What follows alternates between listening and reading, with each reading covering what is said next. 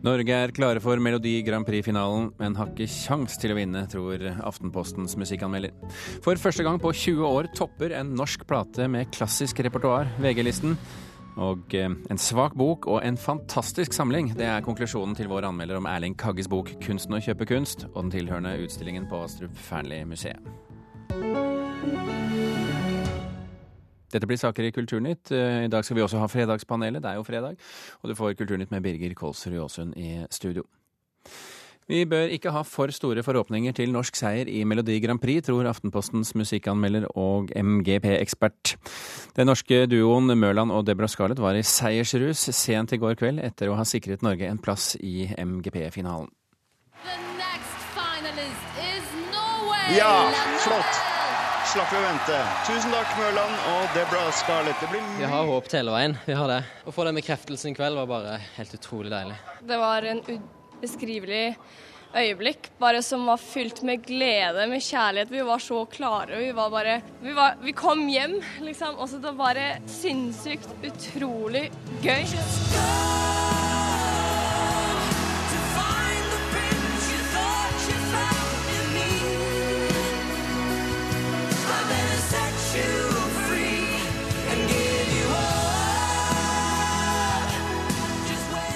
Altså, jeg følte, jeg hørte det. det var, eh, de sang med oss. Ja, det vibrerte fra scenen. Vi skal drikke og ha det gøy!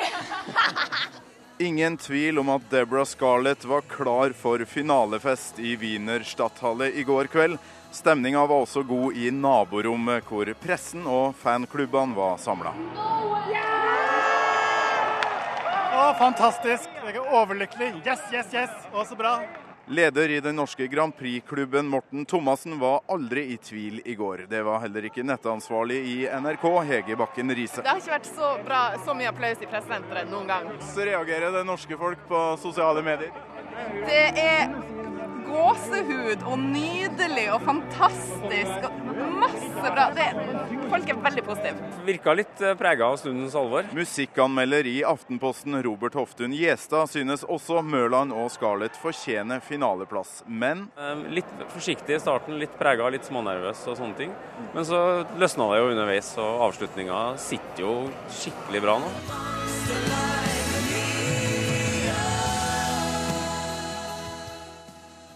Vi er med og kjemper om en eh, topp ti, topp åtte, kanskje en topp fem-plassering på, på, en, eh, på en god dag. Men det er klart at den svenske har liksom mer å by på.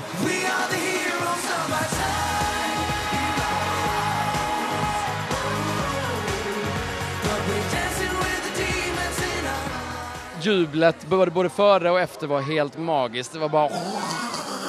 Og minst like god stemning skal det nok bli i morgendagens finale. Og Sveriges Måns Zelmerlöw er klar over at han er storfavoritt. Ja, jag hoppas jo og, og, och tror at fortsatt at Heroes kan være der oppe og fightes om, om segern. Og, og, jeg skal bare gjøre mitt nummer enda bedre, og så får vi se hvordan det går. Men, eh, men i og med at, som du sier, at, at jeg var favoritt, og så, så kjentes det som at ja, nå måste jeg virkelig levere og vise at jeg kan, at, at jeg er verdt et favoritskap. Og... eh, men jag hoppas att jag gjorde det.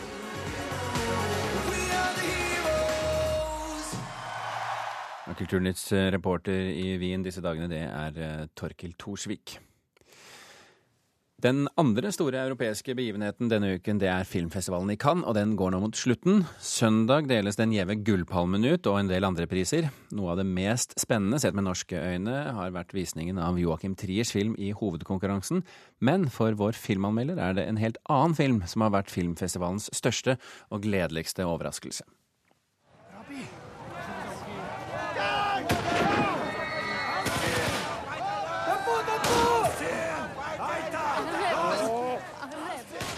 Dette er fra den ungarske konsentrasjonsleirfilmen Saul Fia, eller Son of Saul. Og Birger Vestmo i Filmpolitiet, hva er det med denne filmen? Ja, Den byr på ekstreme inntrykk. Den er utrolig intens og opprørende. For dette handler da om en fange i en konsentrasjonsleir under andre verdenskrig, som er satt til å gjøre de skitneste jobbene for nazistene. Eh, Saul er med å rydde gasskamrene for lik og frakte dem til forbrenningsovnene. Og en dag oppdager han liket av en ung gutt som han mener er hans egen sønn. Som du forstår, dette er aldeles ikke en lystig film. Eh, følelsen av forvirring, redsel og panikk er ekstremt godt skildra her. Og et meget virkningsfullt eh, filmspråk av debutant Laslo Nemes fra Ungarn, som gjør at jeg tror at filmen bør være høyt oppe når prisene skal deles ut på søndag. Vet ikke om Gullpalmen er aktuell, men i hvert fall Camera d'Or, som er da eh, prisen til beste debutant.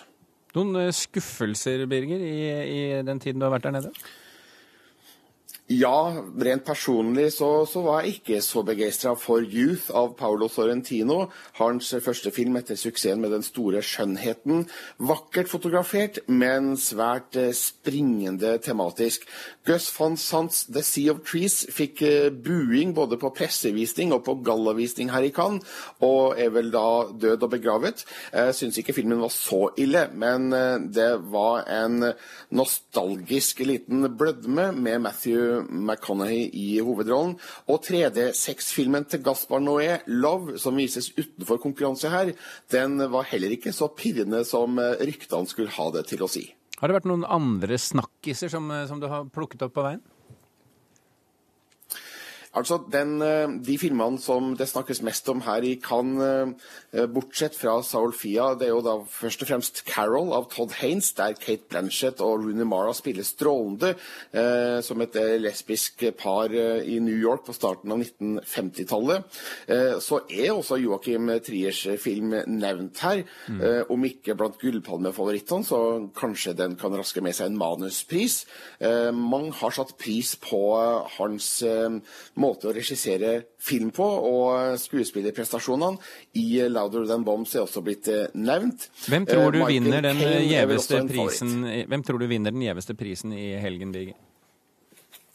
Jeg håper jo at det går um, Saul Fias vei, men uh, ingen vet hva brødrene Cohen og de andre i juryen tenker, og det vil jo ikke være første gang at Gullpalmen går til en uventet kandidat. Vi får se hvordan det vikler seg ut. Beklager, Birger. Det er litt forsinkelser her, så du hører ikke hver gang jeg prøver å avbryte deg. Men, men takk skal du ha for at du var med fra, fra Cannes i dag, Birger. Søndag kveld er det prisutdeling, så da får vi se hvordan det går.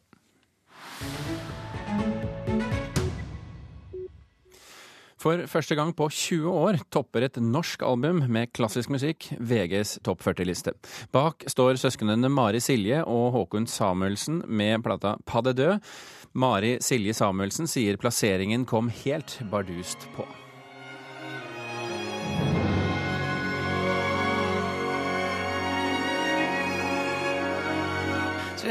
Utrolig stolte, glad, takknemlige, ydmyke. Alt. Skikkelig miks. Sier Mari Silje Samuelsen, som i dag går til topps på Norges viktigste albumliste sammen med broren Håkon med plata Pa Dødø.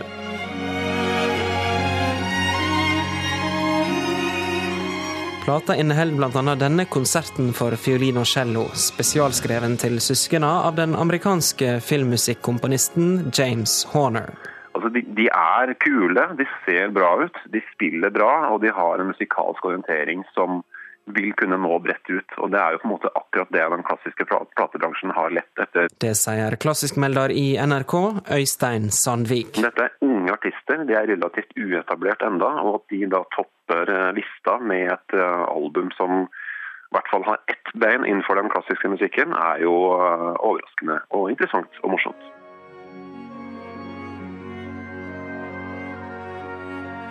Mange har vært litt skeptiske. Men så er det noen som har trodd på oss. Og når vi står her i dag og klart å komme til topp, så er det jo Det er en lettelse, men jeg håper at kan at, de, at noen etter oss kan også tørre å liksom gjøre litt utradisjonelle valg med klassisk musikk. For det, liksom, det kan jo ikke bli farlig hvis mennesker vil høre på det. Og reporter her var Lars Ivar Nordahl. Du kjenner Erling Kage som polfarer og som forlegger, og kanskje vet du også at han er kunstsamler.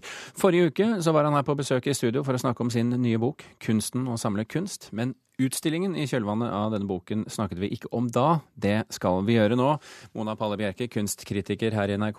Hva slags samling er det som vises på Astrup Fearnley-museet? Det er en veldig mangfoldig samling. Samtidig så har den en tydelig profil. Han har konsentrert seg om idébasert uh, kunst, og han er jo en eventyrer, også som kunstsamler. Så han våger seg ut i dette unge, halvetablerte kunstsegmentet. Så først samlet han på 60-tallsgenerasjonen, deretter de som var født på 70-tallet er det de som er født på 80-tallet.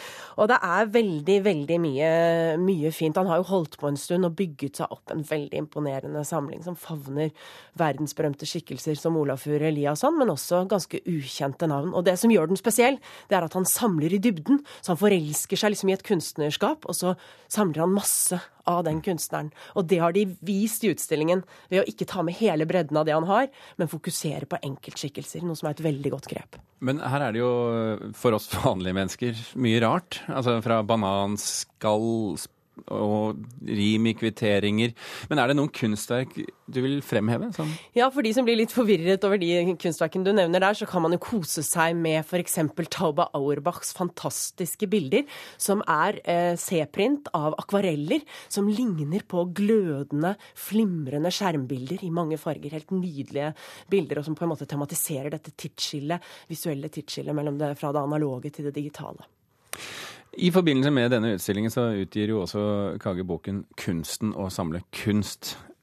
Hva syns du om den? Ja, Mens jeg var veldig begeistret for samlingen og utstillingen, så syns jeg boken var langt mindre interessant.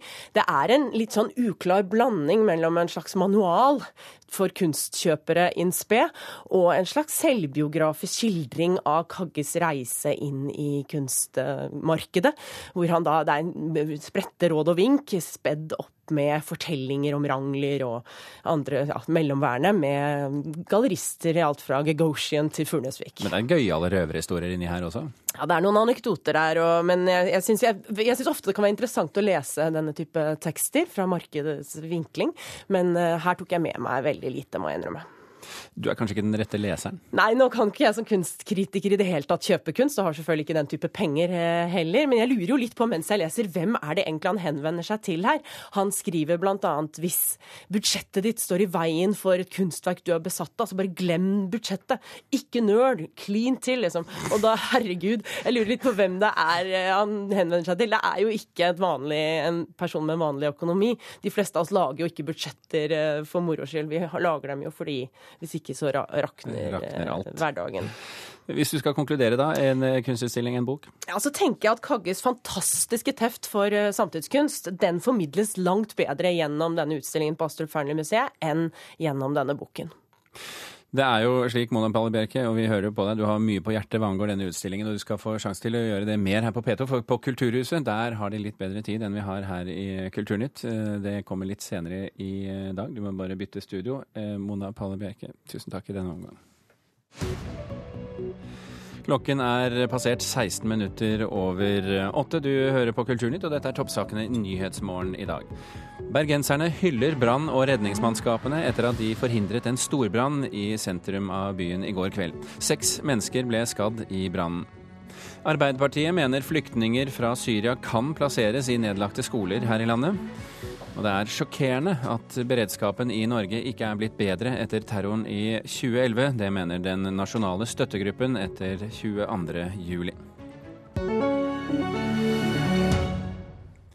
Da har eh, Fredagspanelet vaglet seg her eh, i eh, studio. I dag består Fredagspanelet av CF Wesenberg, fotograf, Nina Kristiansen, redaktør i forskning.no, og Anna B. Jensen, redaktør i Morgenbladet. Velkommen, alle sammen. Takk. Takk. Alt vel? Mobiltelefoner skrudd av? Og... Ja da. Vi tvitrer etterpå. Twitter etterpå? Ja, det, er noen av dere har faktisk begynt allerede. Ja, det, er. det er så flott at det Vi går på første spørsmål. Vi snakket jo om eh, Melodi Grand Prix i dag. Russlands sang i årets Melodi Grand Prix er god nok til å vinne, hører vi, men den kommer ikke til å gjøre det. Nettopp fordi den kommer fra Russland. Det sa i hvert fall lederen i den norske Grand Prix-klubben denne uken, Morten Thomassen. I fjor ble det russiske bidraget pepet ut av publikum hver gang de fikk høye poengsummer i avstemningen, og i år ønsker MGP-ledelsen å hindre politiske utfall fra publikum. Spørsmålet vårt er er det en god idé? Nei. Med mindre de forbyr tvitring under sendingene. Nei. Tja. Tja. Hvorfor er du i tvil? Altså, jeg tenker På den ene siden så tror jeg at det er, eh, både sport og kultur kan ha godt av å være på en måte sånne eh, arenaer for forbrødring, hvor man, eh, hvor man altså, Russerne kan få lov å se på Grand Prix og føle at de er med i Europa. Jeg tror nok buingen i stor grad kan brukes liksom, av nasjonalister som vil si liksom, se hvor uglesett vi er, og hvor truet Russland er. Um, men på den andre siden så er det jo eh, selvfølgelig ytringsfrihet, og hvis man sitter og ser altså det er, Grand Prix har jo alltid vært en veldig politisk arena også, på en måte, hvor, hvor, eh, og brukt til eh, protester. Men eh, når det er sagt, så er det ikke sånn at vi ikke har lagt, latt eh, den gå til eh, diktaturer vinne før. Eller i hvert fall, ja. Kristiansen? Ja, Jeg tenker at dette her er folks følelser. Og folk eh, må få lov til å uttrykke dem spontant. Vi kan ikke regulere det eller si nei. Dette er jo folks følelser mot krig og politisk forfølgelser og sånne ting. Så jeg syns det er helt greit at folk får lov til å føle og gi uttrykk for det.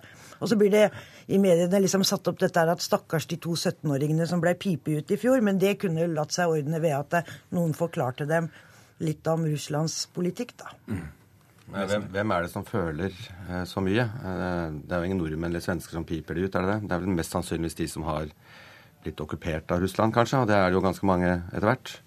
Eh, det er ingen som piper ut eh, Israel. Ja, er det ikke for at, de pip, for at de har okkupert Palestina. Palestina er jo ikke med i Grand Prix. Nei.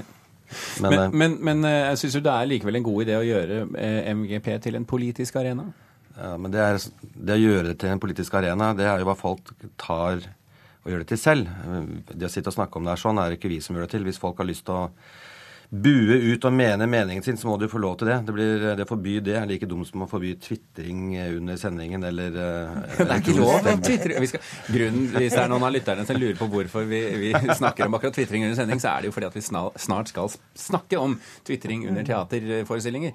Eh, Her i studio lager det så mye ugagn i teknologien. det er derfor vi ikke gjør det. Altså, jeg tenker at ja, selvfølgelig folk har følelser, og de, de Og jeg mener er, altså jeg mener ikke det skal forbys, men det finnes jo mer artikulerte former for protest enn å sitte i en sal og bue akkurat mot Russland, liksom. Og, og, men, Men hva er forskjellen på å bue og heie, da?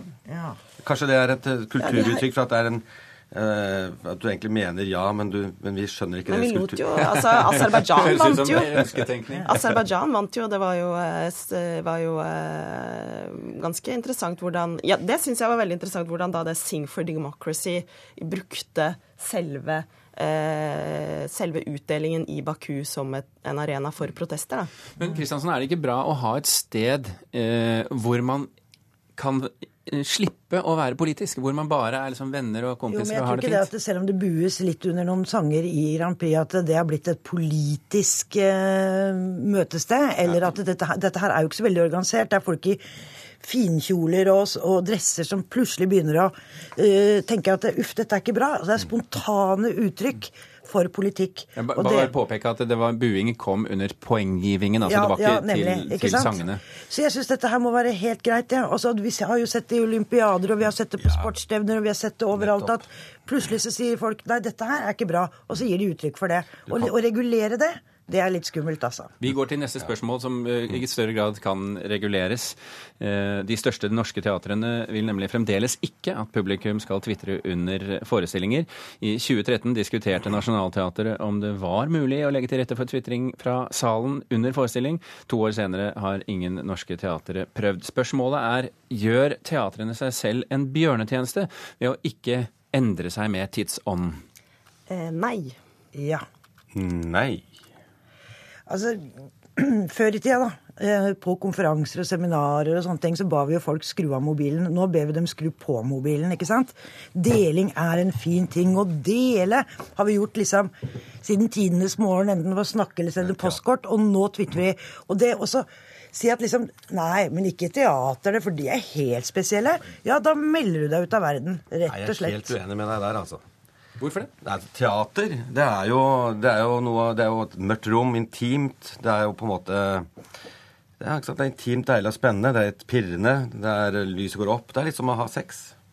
På en. Gå i teater? Ja, altså, Nå tenker jeg ikke på skuespillerne, men jeg tenker liksom på det at du er der ja, men Du står der, på, sitter i salen, og så har du en deilig opplevelse. Og den er intim med det som foregår. Det er selvfølgelig mentalt. Eh, og så kan du sitte midt eh, under eh, første akt og, og tvitre. Det blir litt som det samme som å sitte Sitte liksom Du ligger av sex, og så sier du 'Jeg knuller dritfin dame nå, men hun kommer ikke'. Dårlig. Anbefales ikke. Tror jeg stikker i pausen. Jeg, jeg har jo dette Litt er annet syn på det, bare si Dette det. er en empirisk undersøkelse som jeg har foretatt på Twitter. da, Hvorvidt man vi ønsker seg tvitring fra teatrene eller ikke. Og da vil jeg si at eh, bare utvalget er litt eh, ikke er helt representativt. Og man må også tro at liksom, Twitteratet er veldig positive til tvitring. Men to tredjedeler er altså da negative på Twitter til tvitring under teaterforestillinger. Det ble, Og det er jo, det interessante der er at jeg faktisk selv tenkte sånn som deg. Nei, det er jo kjempegammeldags, du må jo bare tillate tvitring. Men eh, sånn som Anna Bakkevik, som var en av de som svarte på spørsmålet mitt, hun, Sku- skuespilleren. skuespilleren, Mhm. sier at teatret krever jo konsentrasjon, og det skal være krevende. Det, det liker jeg litt at hun sier. Det skal være krevende både for, for, eh, for skuespilleren og for publikum. Ja. Men, men, men, eh, men på den annen side så tenker jeg sånn eh, og grunnen er jo at det både plager publikum, folk blir irritert, ikke sant? det lyser opp, og det må jo ikke lyse opp, og at skuespillerne blir irritert. Men det går jo an å tenke seg at man kunne ha noen Twitre-forestillinger, akkurat som en barneforestilling, f.eks. Ja, altså, men det var, det var snakk om å innføre Twitter-seter. Ja, Ikke tweet seats. Tweet seats. Dette her er jo veldig Ja. sånn eh, voldsomt, da. Altså, man tvitrer jo ikke hvis man ødelegger forestillingen eller du ødelegger for noen. Altså, det, du sitter jo ikke og ser på TV og ødelegger opplevelsen av filmen din eller, følgende, så sitter eller kino Ja, men du og sitter og tvitrer heller. Du tvitrer jo der det passer. Og poenget er at det, hvis du skal, altså jeg er sikker på Den undersøkelsen du har eh, foretatt, det er ikke noe vi ville skrive om på Forskning ennå. For det er, det, den tror jeg ikke noe på. Poenget er å få teaterne inn i verden, sånn at alle kommer dit, og ikke bare de som du har Men, snakka med men, på eh, Twitter. Du, du skal få slutte replikken, og Ja, nei, så går jeg bare tenker at vi, der, der sitter du på det tweet-seat på, på teatret, og så twitrer du, og så kommer da vakten bort til deg i pausen og sier du, du må gå hjem. Hvorfor det? Nei, jeg så du facet litt. Ja, Fordi du ikke var twitret, men Nei, du- ja, på ja. Facebook? Å, fysj, ja, nei, jeg tror, Da- ikke, det- jeg tror ikke vi er der. Jeg tror ikke vi er der. Nei, vi er ikke der. Nei. Ok, vi går videre. Vi har et spørsmål til. Hvorfor er Sverige så fylt av hat og redsel? Det spørsmålet kom fra Karl Ove Knausgård i en kronikk denne uken. Et kraftig oppgjør, oppgjør med den offentlige debatten i landet han har bodd i 13 år. Han skriver bl.a. at litteraturen i Sverige ikke er fri, men bundet i hender og føtter, at den ikke er nysgjerrig, men moralsk, og over det hele regjerer ideologiene. Spørsmålet vårt er gjør Knausgård lurt i å rumperiste sitt nye fedreland? Ja. Wesenberg? Ja. Ja. Ja, det var fint. Ja, vi er enige. Ja, hvorfor, hvorfor trenger svenskene tyn? Det er ikke klam og lammende enighet her i Norge om at svenskene trenger tyn, da, åpenbart. Både i panelet og faktisk ellers òg. Har du undersøkt på Twitter? Ja, nei, men altså, jeg tror jo eh, vi skal være ganske mm, eh, Det er veldig Jeg tror det, det, det som er vanskelig å skjønne fra, herfra, er at i Sverige så har de enda høyere grad av sånn eh, merkelapp- og plakattendenser i, i, eh, i eh, i sin offentlige debatt. Det har jo vi her òg. Det, er jo det er jo en helt vanlig eh, taktikk for å mm, lamme motstanderen og bare kalle det idiot, liksom. Men, eh, men eh, jeg skal ikke, syns ikke vi skal være ja, motstanderne. Syns ikke vi skal være for høye i hatten her hjemme heller. Mm. Jeg syns vel altså det, det, hevdes jo at um, svenskene er som en generasjon foran oss kulturelt. Nå har jo på en måte Knausgård kanskje demonstrert at vi er likeverdige. Vi har sammenlignet alle svenskene med kykloper. Kykloper, ja. Kykloper, som er da disse enøyde monstrene som eh, også spiser barn, blir det hevdet. De spiser i hvert fall mennesker. De spiser det de kommer over. Ja. Og den eh, Så jeg tenker han har jo på en måte sidestilt seg selv eh, ved å sammenligne seg Altså Han tror jo kanskje at han er en Odyssevs, en helt, en ordentlig mann. Det, hvorfor han bruker akkurat den sammenligningen, er for at det har jo en historisk betydning. Han gjør det sikkert ikke uten over... Nei, men nå sitter jeg livredd for å sitte her. Jeg er ordblind, leser ikke bøker, og i hvert fall ikke Knausgård. Og plutselig så er jeg med i boka hans.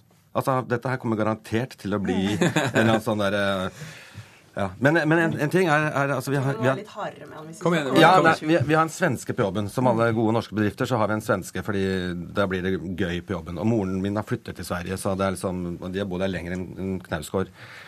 Uh, hun har masse positivt å si om svenskene.